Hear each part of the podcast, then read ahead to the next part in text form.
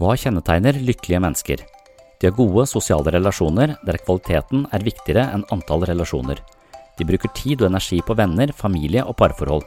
De både gir og tar imot. De har livsmål, ambisjoner og drømmer. De er venn med seg selv, har god selvfølelse og evnen til å uttrykke takknemlighet.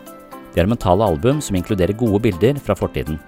De har mestringsstrategier for ulike livsutfordringer. De opplever mening og kontroll i eget liv og foretar gode valg. De er til stede i livet og i hverdagens øyeblikk. De har mer fokus på hva som er godt enn hva som er best. De har en iboende tendens til optimisme og evnen til å overse bagateller.